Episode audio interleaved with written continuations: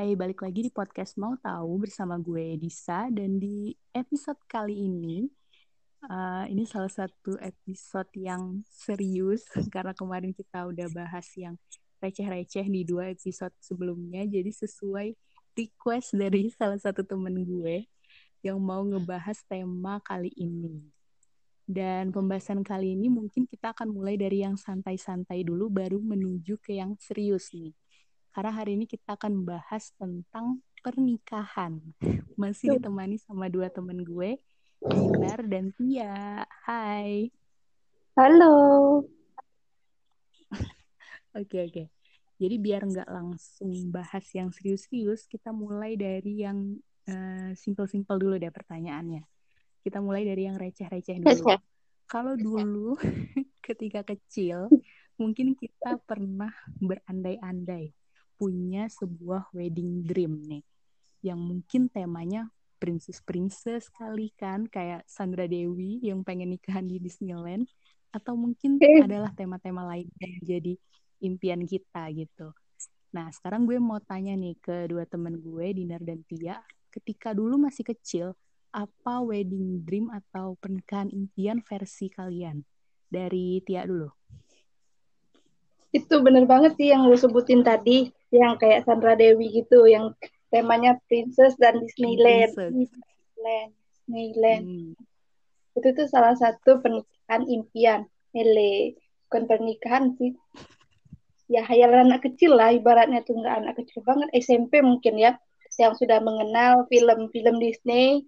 Terus terus ada ada berita ada wahana Disney. Kayaknya seru tuh waktu itu mungkin kalau nikah di Disneyland jadi gue pernah kepikiran hmm. sempat untuk bertemakan princess dan di Disneyland itu SMP mungkin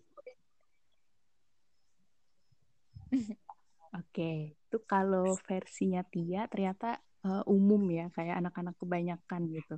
Temanya princess gitu yang cantik-cantik. Nah, kalau dinner sendiri gimana? Atau justru mungkin beda dari kebanyakan orang? Oke, jadi dulu tuh kan waktu masih kecil gue suka banget main game yang namanya Wedding Dash. Kalau nggak hmm. tahu Wedding Dash itu game yang bisa kita mainin di komputer dan itu emang tugas kita adalah untuk uh, ngatur supaya jalannya pernikahan itu bisa membuat tamu-tamu tuh bahagia. Jadi kita tuh ada kita harus nentuin temanya, terus juga milih makanannya, pokoknya kayak gitu dan karena gue senang banget main game itu dan game itu tuh rata-rata pernikahannya itu tuh bertemakan garden party. Jadi adanya tuh di kebun-kebun gitu. Jadi dulu tuh waktu masih kecil sempat kepikiran gitu pengen nikahannya tuh di kebun gitu. Jadi kayak standing party terus bisa ngeliat pemandangan ada bunga-bunga gitu tuh. Tapi kalau misalnya dipikir-pikir sekarang itu pasti riuh banget sih kalau mau di kebun. Soalnya uh, harus nyewa pawang hujan kan terus kayak Amin satu pernikahan tuh kan pasti jadinya gusar gitu apakah hujan deras apa enggak malamnya tanahnya becek apa enggak gitu. Jadi ya cukup hayalan masa kecil aja. Harus benar-benar survei kalau mau garden party. Iya terus pawang hujannya juga harus benar-benar handal. Mm -mm. Mm -hmm. kalau lo dis okay, ya enggak kalau gue nih, kalau gue mungkin lebih ke campuran antara Tia dan Dinar. Jadi gue sama kayak Tia, dulu pernah juga punya impian punya nikahan yang princess-princess gitu, yang cantik-cantik, pakai bajunya tuh yang putih-putih gitu kan. Tapi gue pengen nikahan tuh yang outdoor, kayak Dinar tadi. Jadi pakai baju yang uh, cantik itu tapi nikahannya tetap temanya outdoor yang di kebun-kebun yang garden party gitu terus yang uh, tamunya tuh nggak banyak gitu. Tuh jadi perpaduan antara dua impian kalian. Nah tadi kan yang uh, versi masa kecil nih. Terus kan kita beranjak ke dewasa. Atau mungkin malah masa-masa sekarang ini.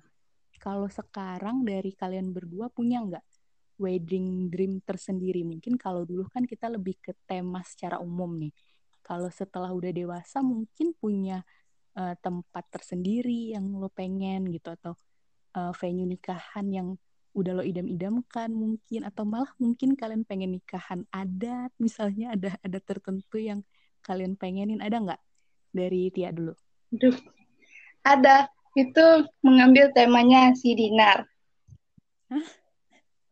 Oke, okay. kalau pernikahan gue sekarang, eh pernikahan gue sekarang, pernikahan impian gue sekarang tuh lebih ke kayak Dinar sih, yang temanya garden party sederhana, nggak mau yang wah lagi, wah lagi karena sudah dipikir-pikir untuk apa sih menghabiskan uang untuk cuman untuk satu hari saja. Lebih baik uang itu ditabung, beli rumah atau investasi yang lainnya. Sayang dong kalau dipakai untuk ke ke mewujudin wedding dream yang kalau itu nggak apa-apa sih tapi setelah dipikir-pikir sekarang ini nggak deh untuk mau wedding dream lebih ke make adat adat adat sendiri dan adat itu Islami kelak nantinya. Kalau dari itu aja di gue. Uh, kalau gue sih mikirnya sekarang pengennya kalau emang nikah tuh pengennya emang full adat sebenarnya walaupun agak ribet. Cuman enggak berlebihan gitu. Soalnya memang kan uh, memang kan nikah itu banyakkan yang ngabisin uang. Sementara emang uang tuh penting banget untuk kayak untuk beli rumah persiapan buat setelah nikah. Kan masih banyak keperluan lainnya.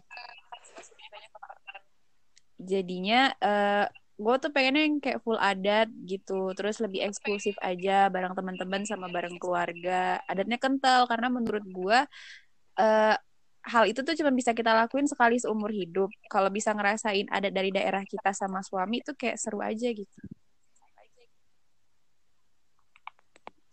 Oke. Okay.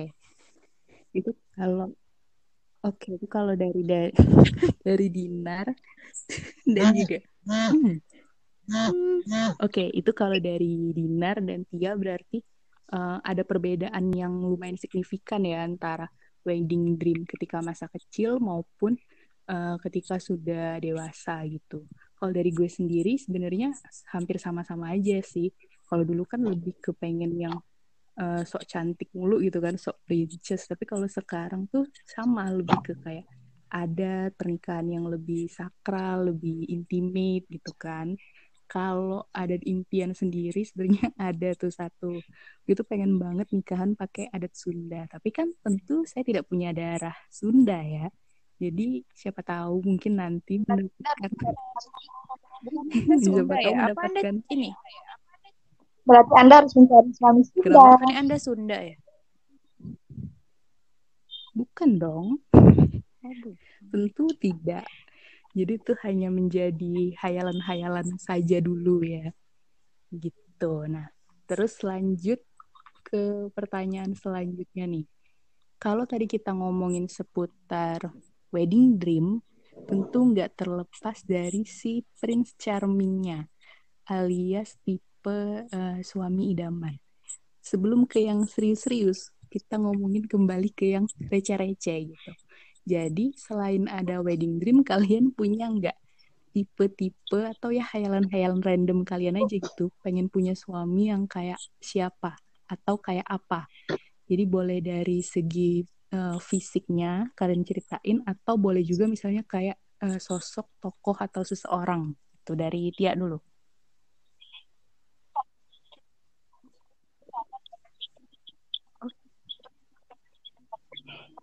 Kalau kecil dulu tuh seneng sama Brad Pitt. Jadi mungkin lebih tipenya ke Brad Pitt kalau kecil dulu. Tergila-gila dulu kalau sama Brad Pitt. Sekarang sih enggak deh, enggak sepertinya. Karena semakin bertambahnya usia, ya jadi sadar diri aja sih dengan lebih memantaskan kualitas diri untuk si calon kelak Oke, okay. Well, gue pikir tadi Tia akan menjawab uh, memantaskan diri. Pilih nyambung dari yang episode sebelumnya ya. Ternyata enggak. Oke, okay, kalau dari Oh, itu plusnya. Baik. Kalau dari Dinar? Kalau ada plus uh, itunya. Uh, gue tuh sebenarnya bingung kalau mau ditanyain tipe suami daman yang kayak gimana. Cuman kan dulu gue sering banget tuh buat cerita ciklit atau metropop, di mana emang tokohnya itu biasanya udah uh, umurnya tuh udah mateng gitu emang nyari laki bukan nyari pacar lagi. Nah biasanya ada tokoh-tokoh cowok yang suami able, yang husbandable yang gue buat itu, ya biasanya tokohnya tuh lebih kayak mengayomi, pekerja keras gitu-gitu. Terus yang tegap-tegap gitu-gitu. Tapi, tapi kalau sekarang mah yang mana aja dah yang penting baik yang, yang penting, penting ada lah gitu dan yang penting tercukupi ekonomi maupun aja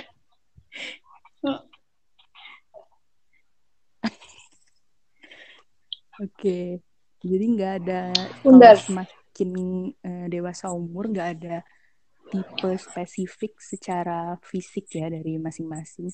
Kalau gue, kalau dulu mungkin hampir sama kayak Tia, paling eh, orang-orang yang lagi diidolain aja gitu, yang dihayalin sebagai suami idaman. Tapi kalau spesifik uh, fisik juga nggak ada sih. Tuh, nah setelah ngomongin fisiknya nih, kan tadi banyak yang bilang yang paling penting itu adalah uh, gimana orangnya kan, yaitu sifatnya. Jadi gue uh, di pertanyaan selanjutnya ini gara-gara baca salah satu tweet orang di Twitter yang intinya adalah dia nanya gimana sih kita tuh yakin kalau uh, orang yang saat ini bersama kita atau pasangan kita tuh adalah uh, the one-nya gitu, orang yang tepat gitu. Nah, kalau dari kalian sendiri nih, ada nggak sih kriteria dari segi sifat cowok yang seperti apa yang akan menjadi tipe kalian gitu? Boleh dalam dua hal sih, boleh misalnya sifat yang paling lo suka atau bisa juga misalnya sifat yang paling nggak lo suka jadi kalau sampai ada cowok yang sifatnya gini gue nggak mau gitu nah boleh dari dua hal itu dari Tia dulu deh. Dari segi sifat tuh lebih ke dia tuh sayang orang tua bagaimana dia menyikap me, me apa ya namanya tuh memperlakukan orang tuanya tuh gimana. Hmm, lalu dia memanage finansial tuh apakah bisa seperti lebih lebih besar lebih bes, lebih kecil peng, peng, penghasilan. Berarti dia tuh orang bisa mem, mapan lah ibaratnya dikategorikan itu. Dan karakternya tuh gimana? Apakah dia suka main kasar atau lebih ke mudah marah, emosian gitu. Dan kalau sifatnya tuh nggak mau nyari yang lebih dewasa sih dibanding ke orang yang labil. Karena gue sendiri tuh orangnya tuh masih labil gitu. Naik turun naik turun itu emosinya. Ya kalau kita dipertemukan nanti takutnya malah bentrok jadinya. Satu nggak mau ngalah dia juga nggak mau ngalah ya akhirnya bentrok. Jadi mungkin itu aja sih dari gue. Oke, jadi uh, kalau bisa gue simpulin dari Tia adalah dia uh, suka orang yang intinya sayang orang tua dan yang dia nggak suka adalah yang emosian dan labil gitu ya. Oke, kalau dari Dinar gimana? Kalau gue mungkin uh, yang nggak kasar, karena orang tua gue aja nggak pernah kasar gitu. Kalau ketemu cowok yang kasar ke kita tuh hmm. kayak gimana gitu yang rawat kita dari kecil aja nggak pernah kasar kok. Tiba-tiba dia yang baru kita kenal setelah dua tahun udah berani kan kayak gitu. Terus um, yang nggak keras kepala sebenarnya. Karena ada beberapa orang yang dari mas baru baru awal, awal dewasa ini aja udah kelihatan gitu cowok-cowok yang keras kepala. Dan gue tuh punya pengalaman dengan uh, beberapa kerabat atau orang tua yang cowok-cowok yang agak keras kepala dan itu pasti agak sangat memusingkan banget kalau tua bersama orang-orang yang keras kepala. Jadi lebih baik yang uh, bisa menerima kita terus sabar orangnya dekat dengan Tuhan, eh terus juga uh, dekat sama Tuhan. Gitu sih dan bertanggung jawab yang pasti. Oke. Okay. Kalau dari Dinar berarti uh, hampir sama kayak Tia ya yang uh, baik secara sifatnya bertanggung jawab yang nggak uh, keras kepala tadi ya jadi dan yang tentunya nggak kasar. Kayaknya semua orang pasti uh, sama ya di bagian yang nggak disuka. Kalau dari gue juga ya pasti itu nomor satu lah yang nggak kasar, yang nggak emosi lagi, yang nggak emosian gitu ya. Nah kalau dari yang segi pertama sih yang bertanggung jawab. Kalau bertanggung jawab mungkin udah masuk semuanya lah kayak bekerja keras, terus nggak lari dari masalah. Ketika ada masalah tuh ya dihadapi gitu. Benar. Terus itu yang bisa diajak. Terus yang bisa diajak komunikasi. Jadi kalau ada masalah, mau gitu diajak diskusi untuk nyelesain sama-sama. Iya, benar banget tuh. Uh, berhubungan, bener kan? Nah, berhubungan sama komunikasi tadi, ini juga penting kalau menurut gue ya adalah jujur atau terbuka. Mm-mm. Maksudnya gimana? Jadi kalau misalnya ada yang nggak disuka nih, misalnya ada yang gue nggak suka dari dia atau ada yang dia nggak suka dari gue dari segi sifat atau dari uh, segi berperilaku atau apa pun itu, ada yang nggak disuka ya diomongin gitu daripada diam-diam saja lalu anda pergi atau marah-marah nggak jelas mending di nah jadi mending uh, diobrolin saat itu juga. Jadi misalnya udah mulai ada hal yang gak disuka yang langsung ngomongin aja gitu.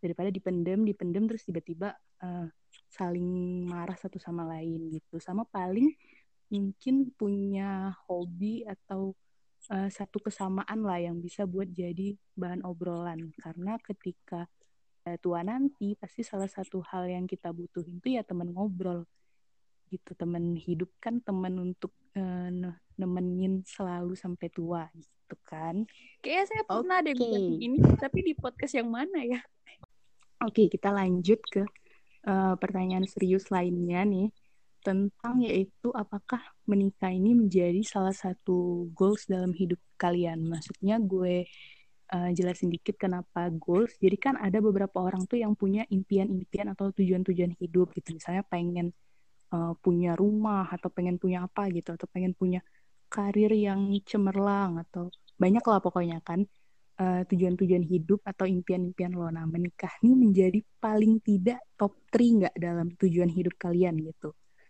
Dari Tia dulu. Dari gue ya? Mm -mm. Uh, iya, yes. Tapi kalau untuk sekarang tuh belum sih karena masih mau ngejar karir dulu atau meniti karir dulu. Karena salah satu goals gue itu adalah ketika gue nikah nanti gue tuh udah udah apa udah mapan lah ibaratnya apa udah ada finansial yang mencukupi. Agar nanti kala setelah menikah gue nggak minta-minta lagi minta dengan suami nanti ya. Walaupun masih tetap suami kan masih hmm, apa sih menafkahi istrinya. Tapi kalau gue mau beli barang sesuatu tuh kan mesti masih ma ingin pakai duit gue sendiri. Jadi ya salah satu goals gue tuh harus kerja dulu sebelum nikah. Ya tapi nggak tahu deh nanti lihatlah saja ya. Karena kita tidak tahu ke depannya. Manusia hanya merencanakan dan Tuhan yang menghendaki. Dan kalau nikah nantinya gue bakal nanya apakah gue setelah nikah boleh nggak kerja atau gimana konsekuensinya? Karena gue nggak mau ya mau sih jadi buruh rumah tangga tapi mau boleh nggak sih kerja kalau ibu rumah tangga yang bekerja walaupun nggak terlalu full time di dalam rumah tangga itu sendiri? Jadi sebelum menikah gue mau bertanya dulu dengan si calon itu apakah boleh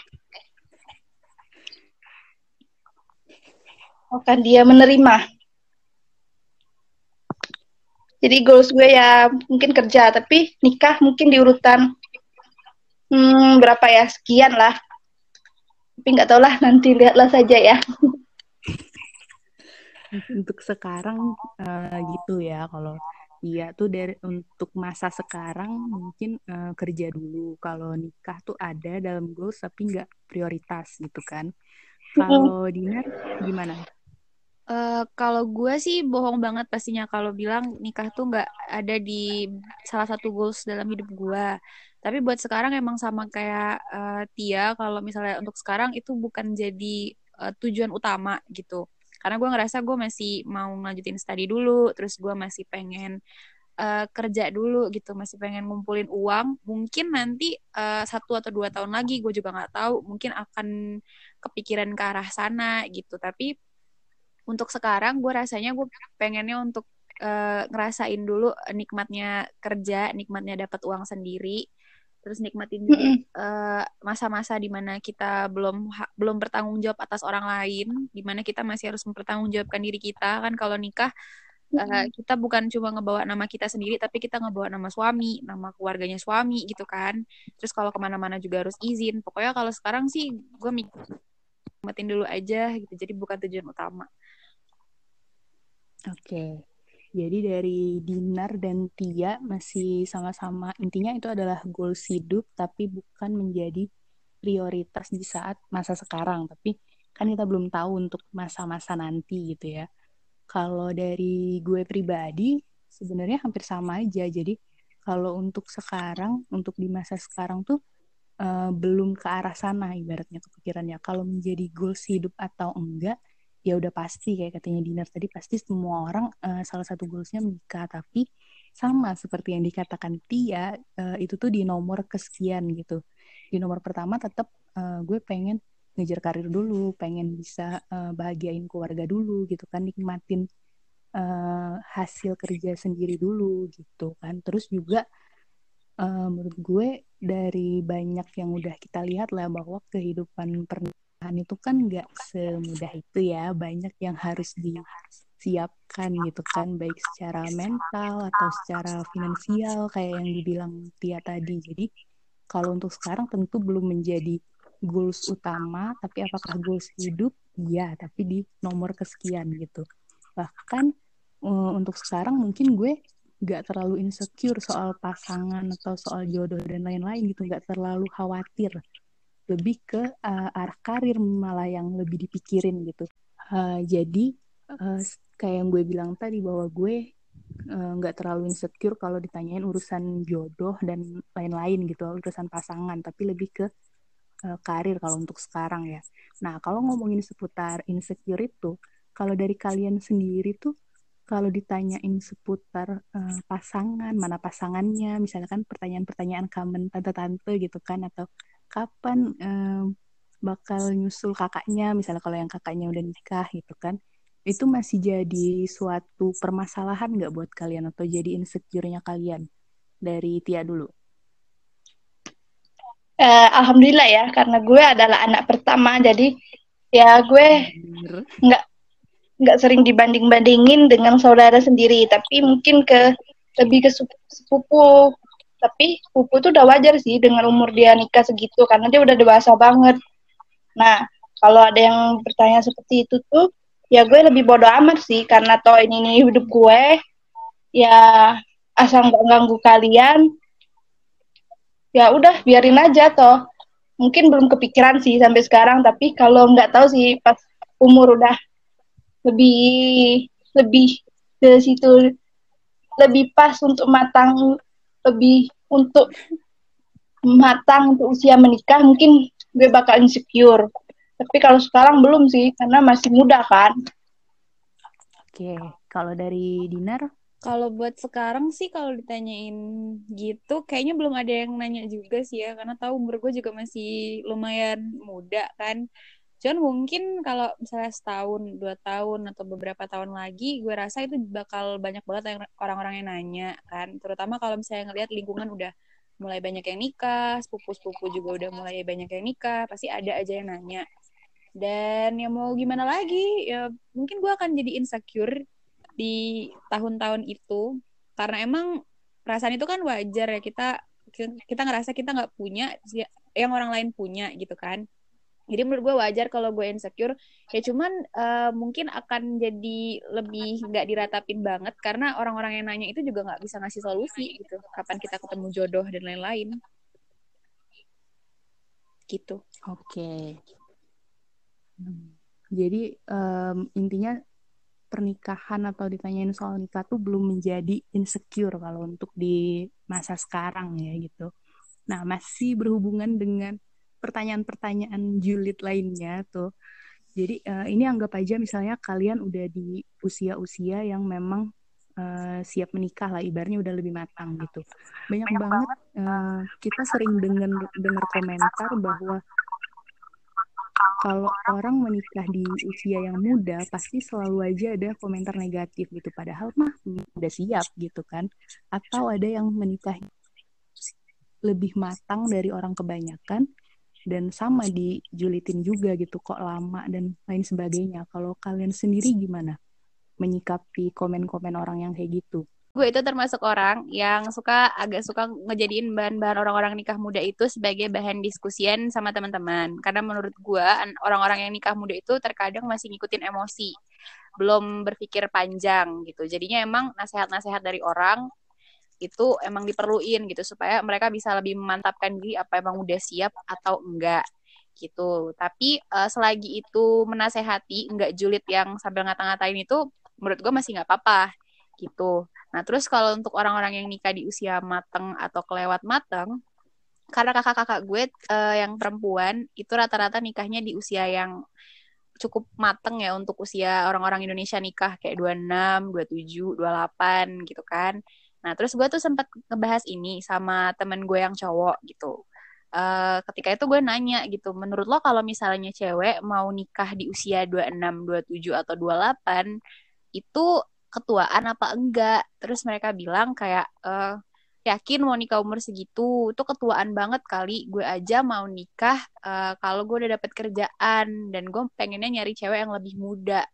Itu um, pendapat anak-anak cowok mengenai cewek-cewek yang nikahnya di usia kayak mateng gitu yang pengennya tuh berkarir dulu baru nikah gitu. Cuma menurut gue sih dari perkataan mereka ya hak mereka sih mau ngomentarin. Cuman ya balik lagi gitu kita kan nggak bisa mem memilih gitu jodoh kita datangnya kapan. Toh kalau kita mau buru-buru juga belum tentu nikahannya berjalan dengan baik. Belum tentu nanti kita bahagia gitu. Jadi nikmatin aja dulu momen sampai ketemu yang kita rasa pas oke jadi Sebenarnya sebenarnya nggak ada yang salah tentang menikah di usia muda ataupun di usia yang sudah matang kan karena uh, jodoh tuh nggak ada yang tahu gitu kapan datangnya ibaratnya. Nah untuk yang usia muda pun mungkin kalau yang muda banget kayak sampai belasan gitu, uh, menurut gue ya kayak katanya Dinar tadi kayak lebih ke orang-orang labil nggak sih? Mungkin kalau yang sampai 16 atau 15 ada nggak sih 15 17 yang gitu-gitu lah kan. Tapi kalau yang udah di atas 20-an misalnya kayak uh, 22 21 kan itu masih terbilang muda juga ya. Tapi ada yang memutuskan menurut gue eh, nggak uh, masalah juga karena mungkin dia merasa udah siap secara mental mungkin kan. Karena nikahan kan uh, bukan cuman masalah finansialnya aja ya. Mungkin dari segi finansial dia siap tapi mental menurut gue yang terpenting gitu jadi di usia berapapun itu balik lagi ke tergantung orangnya masing-masing gitu kan kalau uh, ngomongin seputar yang menikah muda tadi nih, sekarang gue mau ngomongin seputar siap nggak siapnya. Kalau salah satu bercandaan ya nih, bercandaan ketika dulu masih kuliah antara gue, teman-teman gue atau mungkin kebanyakan orang adalah kalau lagi capek ngerjain tugas, capek ngerjain laporan yang sampai begadang-begadang, hmm. gila gue capek kuliah mau nikah aja, bener nggak ya kan? Tapi gue juga pernah nih nanya ke mereka gitu ngebahas sama mereka kalau misalnya ketika hmm. kalian ya kalau misalnya Oke, okay. tapi gue juga pernah nih ngelempar pertanyaan dan ngebahas sama mereka. Kalau misalnya nanti ketika uh, wisuda tiba-tiba ada cowok yang ngelamar lo atau ngajak lo nikah emang lo siap gitu terus ya kita coba ketawa-ketawa aja gitu karena rata-rata tuh pada jawabnya ya nggak siap gitu karena itu cuma bercandaan doang nah kalau dari kalian berdua nih kalau misalnya ditanya soal kesiapan dalam waktu dekat ini berarti hitungannya ya. Dalam waktu dekat tuh bisa dalam beberapa bulan atau dalam misalnya satu tahun gitu tahun depan. Tiba-tiba ini tiba-tiba nih. Tiba-tiba ada yang ngajak nikah kita berandai-andai. Lo siap atau enggak dari Tia dulu? Gue tuh termasuk orang yang cukup sering jadiin hal ini sebagai bahan bercandaan sama temen. Terutama kalau misalnya lagi mumet kuliahan atau mumet masalah hidup itu biasanya suka ngomong kayak susah banget sih pengen nikah deh jadinya gitu. Padahal kan emang nikah nggak menyelesaikan masalah yang ada gitu. Dan kalau ditanya apakah bakal ngerasa siap kalau misalnya dalam satu atau beberapa bulan lagi eh, tiba-tiba dia ngajak nikah gue kayak bisa ngomong 97% gue nggak siap gitu. Karena uh, apa ya gue ngelihat diri gue sendiri aja tuh masih kayak belum bisa me mengatur kehidupan gue sendiri gitu. Kayak masih berantakan juga ngurusin diri gue apalagi harus ngurusin orang lain. Gitu. Jadinya ya mungkin eh, nggak uh, tahu tapi satu atau dua tahun lagi kalau misalnya emang udah uh, ketemu yang pas mungkin tiba-tiba bisa ngerasa kayak siap gitu. Tapi kalau buat sekarang sih belum. Gitu. Oke. Okay. itu kalau uh, dari Dinar ditanya soal siap nggak siap dalam waktu dekat ya. Kalau dari Tia gimana? Uh, ini kira-kira kalau mereka ngajak nikah dalam beberapa bulan ini mungkin belum siap ya. Atau lebih hmm. tunggu deh. Lebih baik kita mengenal lebih lebih lanjut dulu dari banding buru-buru menikah. Nanti ya takutnya rumah tangga hancur berantakan karena rumah tangga hanya sekali suami. Nah, tapi kalau Betul. kalau beberapa tahun misalnya satu tahun kemudian pilih ada yang ngajak nikah tuh tergantung orangnya tuh gimana apakah dia tuh yang seperti gue bilang tadi tuh apakah dia bisa mengelola keuangannya dengan baik atau apa atau dia me, apa emosi emosinya tuh udah stabil tuh nggak naik turun nggak nggak labil tuh. Jadi ya apa kalau dia udah dewasa udah udah mapan gitu ya. Mapan di sini bukan arti kaya ya tapi yang gitu ya. dia sebuah penghasilannya tuh lebih besar daripada pengeluarannya kebalik deh peng, pengeluarannya tuh lebih besar dari pengeluarannya tuh lebih kecil daripada penghasilan. Jadi ya dia tuh bisa dikategorikan orang yang hemat nggak boros gitu. Nah terus kalau misalnya nih gue kerja nantinya terus dia ngajak nikah apakah gue setelah nikah tuh boleh nggak kerja gitu? Ya kalau dia nggak mempermasalahkan ya ayo. Kan aduh mohon maaf ya saya mundur tapi nggak tahu deh nanti lihatlah saja ya. Oke baik. Nah itu kalau kalian pernah dengar nggak hmm. ada pepatah katanya kita tuh nggak boleh menolak lamaran seseorang. Takutnya nanti bakal seret katanya.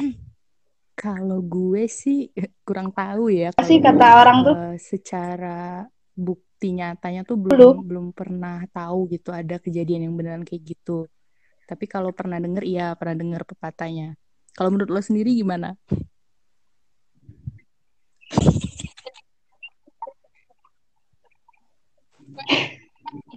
Jadi ya makanya gue nggak mau, gue nggak, gue bingung juga nih kalau gue nolak takutnya pepatah itu berbalik. Jadi saya bingung. Tapi lihatlah ke depannya uh, nanti apakah calon tersebut yang mengajak nikah cepat itu. Gimana? Jadi kan tadi di, eh, Tia nanya uh, pendapat mengenai pepatah ini. Kebetulan gue yang hmm. perempuan hmm. yang nomor dua itu pernah dilamar orang pas usianya 17 hmm. tahun. Gue nolak lamaran si cowok ini karena ngerasa emang orang tua gue tuh belum ngerasa si anak hmm. kakak gue ini tuh siap buat nikah. Terus kayak cowok ini kan masih uh, belum masih belum kerja pada hitungannya itu tuh. Jadi dia tuh sekolah kedinasan gitu cuma memang belum berpenghasilan tapi pengen ngajak nikah gitu dan udah ngelamar ngebawa orang tua ke rumah. Dan ditolak. Cuma menurut gue ya nggak ada hubungannya gitu serang jodoh apa gimana. Soalnya kakak kakak gue juga dapat jodoh aja sampai sekarang juga udah berkeluarga udah punya anak. Nikahnya juga udah tua banget di umur yang pas. Jadi ya toh kalau kita juga orang kita nggak yakin sama orangnya juga ntar runyam juga jadi ya menurut gue sih nggak ada hubungannya gitu. Berkaca dari pengalaman kakak gue ya. Oke. Okay. uh, yang bisa gue uh, simpulkan dari dua itu bener banget. ya intinya benar sih bahwa uh, balik lagi ke kayak tadi nih menikah itu kan soal kesiapan terus tadi kita udah ngomongin seputar uh, dia orang yang tepat atau enggak ya menikah pasti akan uh, ibaratnya mm. jodoh tuh akan datang di waktu yang tepat dan orang yang tepat gitu dan kita nggak tahu kapan dan uh, di mana dan bagaimananya gitu kan nah tadi mm dia ya benar sangat benar. Dan Tia tadi sempat dan siapa? mau nanyain soal kesiapan gimana nih? Apa ya pertanyaan dari Tia? Ya, ini sih kapan sih kalian tuh merasa siap untuk membuat ke jenjang selanjutnya? Apakah dari segi emosion, emosional atau segi yang lainnya, faktor yang lainnya? Dari lo dulu apa gimana nih jawabnya?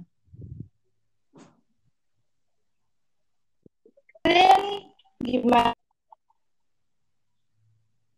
okay. Bisa deh duluan, bisa. Oke. Okay. Kalau ditanya soal siapnya kapan, um, sebenarnya kalau kita lihat-lihat dari pengalaman orang sebenarnya nggak ada uh, tolak ukur tertentu kan. Kebanyakan misalnya orang suka ditanya kenapa sih lo yakin dia orangnya tuh rata-rata nggak bisa uh, jawab pasti gitu kenapanya karena ada ngerasa satu kecocokan. Tapi kalau dari segi kesiapan untuk sekarang nih secara pendapat gue pribadi itu tadi kalau misalnya udah siap secara mental maupun finansial gitu dari segi finansialnya tuh bukan cuma uh, siap untuk menikahnya aja ya tapi kehidupan setelah pernikahannya juga gitu. Bahkan gue pribadi ini uh, dari segi persiapan menikahnya pun gue pengennya bener-bener dari kita berdua gitu dari gue dan dari dia biayanya. Jadi nggak uh, melibatkan orang tua lagi. Kalau orang tua mau ngebantu atau misalnya ada keluarga yang mau ngebantu ya itu boleh-boleh aja gitu kan. Nggak boleh nolak rezeki. Hmm. Tapi tetap uh, dari gue dan dianya tuh udah siap gitu. Walaupun tanpa bantuan uh, dari keluarga dan orang tua. Terus dari segi finansial setelah kehidupannya pun udah siap. Udah siap dalam artian bukan cuma buat berdua kan namanya menikah pasti menyiapkan ntar punya anak dan lain-lain. Anak juga bukan cuma masalah dia uh, pakai baju bisa dikasih makan dan lain-lain gitu kan. Siapnya tuh dari segi gimana pendidikannya dia nanti dan lain sebagainya. Jadi secara keseluruhan gitu.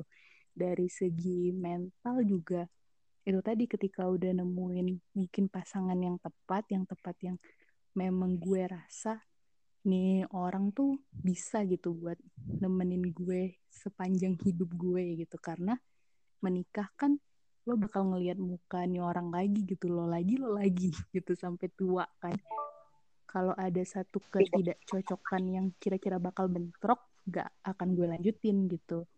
Jadi siap secara mentalnya siap juga secara finansialnya. Gitu. Bagaimana saudara Tia? Halo luar kopi. Nah, sudah aku. Dinner dinner. Oke, kalau dari Dinar tuh gimana nih pendapatnya? Oke. Sekarang. Iya, sekarang silakan Ibu. Kalau kalau gue ditanya kapan ngerasa siapnya, eh, nggak uh, tahu ya karena kan kayak kata Disa tadi gitu banyak orang juga bilang nggak tahu mereka tiba-tiba kayak ngerasa mungkin udah saatnya aja gitu. Jadi gue juga nggak tahu kalau ditanya kapan siapnya.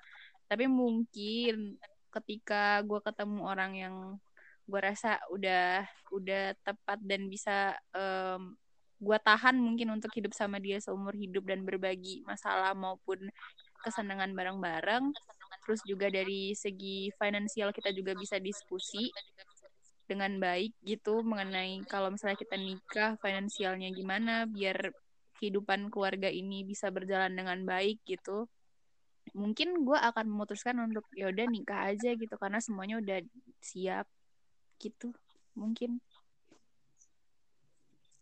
Dari lo sendiri? Ya berarti hmm, kalau gue sih ya benar dari segi emosional.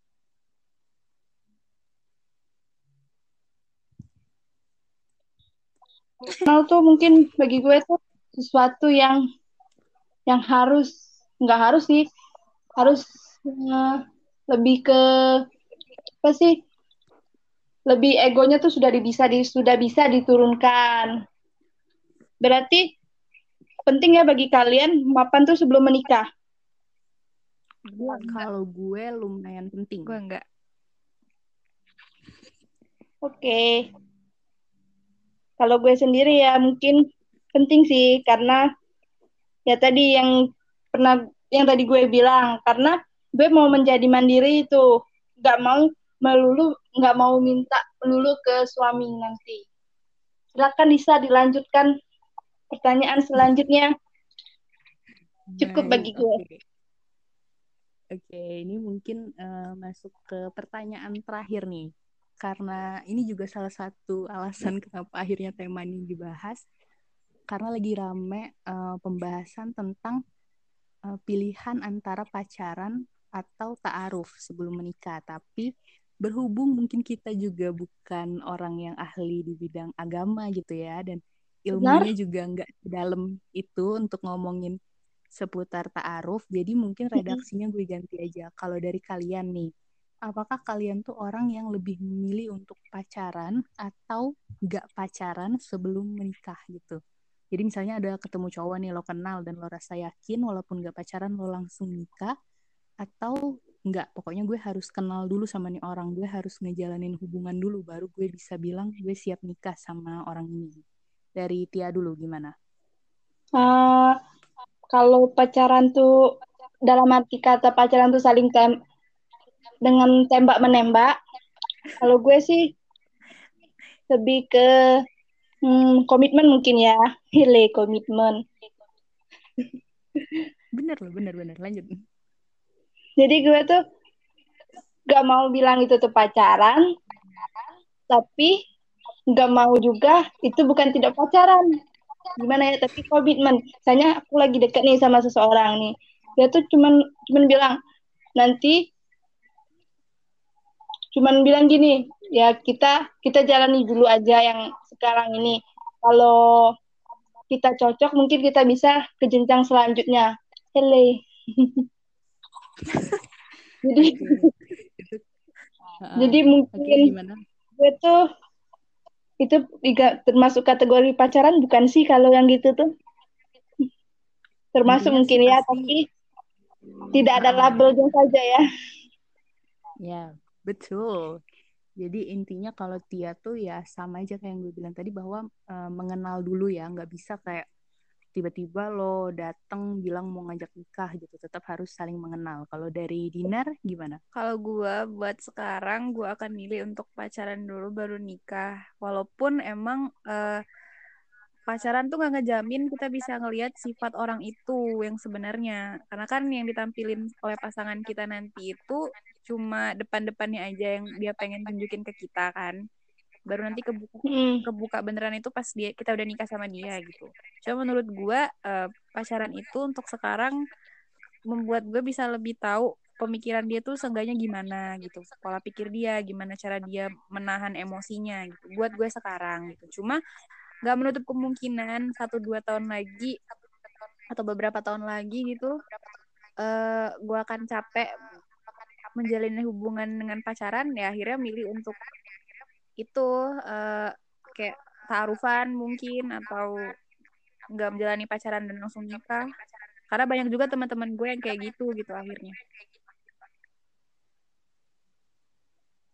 Oke.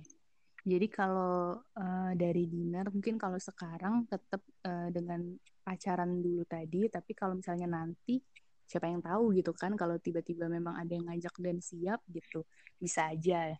Nah kalau dari gue gue hampir sama kayak Tia mungkin ya karena kalau di usia sekarang kan bukan udah kayak masa-masa SMP atau SMA yang pakai main tembak-tembakan gitu kan mau nggak jadi pacar gue misalnya kan nggak lagi gitu kan. Udah nggak melewati lagi fase itu.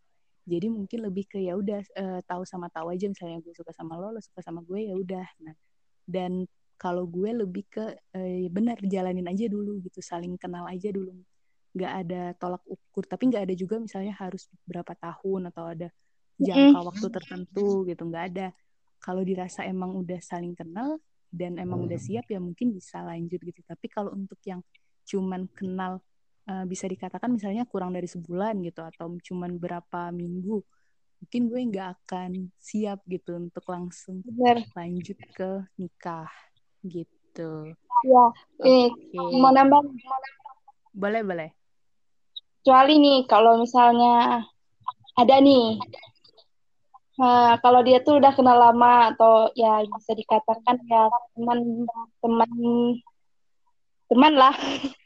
Teman masa kecil entah itu teman masa kecil atau teman sekolah ya. Kalau ya dia yang ke seorang teman ini udah kenal lama ibu udah kenal sama ibunya ya mungkin gue mau sih oke okay.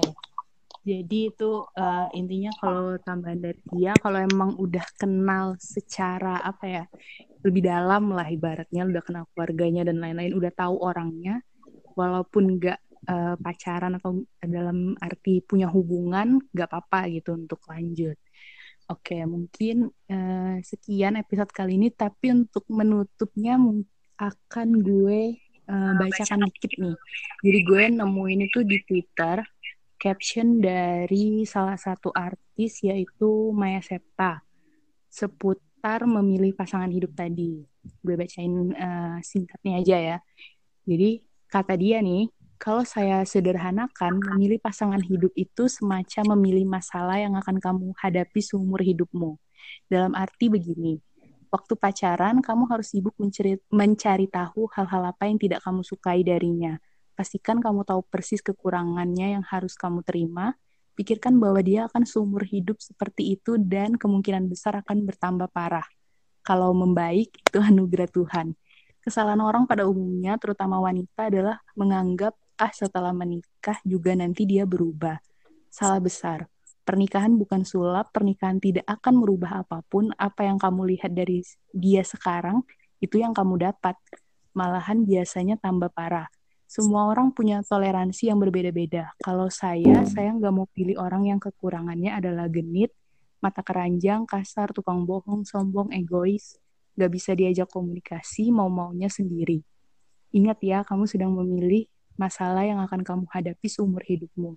So be wise. Biasanya dari pacaran udah kelihatan kok. Cuma aja kamu merem anggap sepele, yang penting kawin dulu aja. Terus habis itu merana, kok dia gini? Gitu. Padahal uh, dari pacaran udah begitu. Hahaha. Gitu pokoknya. Uh, itu caption dari artis Maya Septa yang gue bilang tadi yang menurut gue uh, lumayan menarik. Mungkin kalau dia kan lebih frontal. Kalau gue uh, simpulkan sederhananya bahwa memilih pasangan tuh ya gak semudah kayak oh dia cakep atau oh dia orangnya baik-baik dan lain sebagainya. Tapi kita udah harus tahu nih apa sih orang ini tuh karakter-karakternya atau apa yang kira-kira bakal berbenturan dengan kita. Karena ketika kita memutuskan untuk menikah kita bakal menghadapi semua baik eh, kelebihan maupun kekurangannya dia.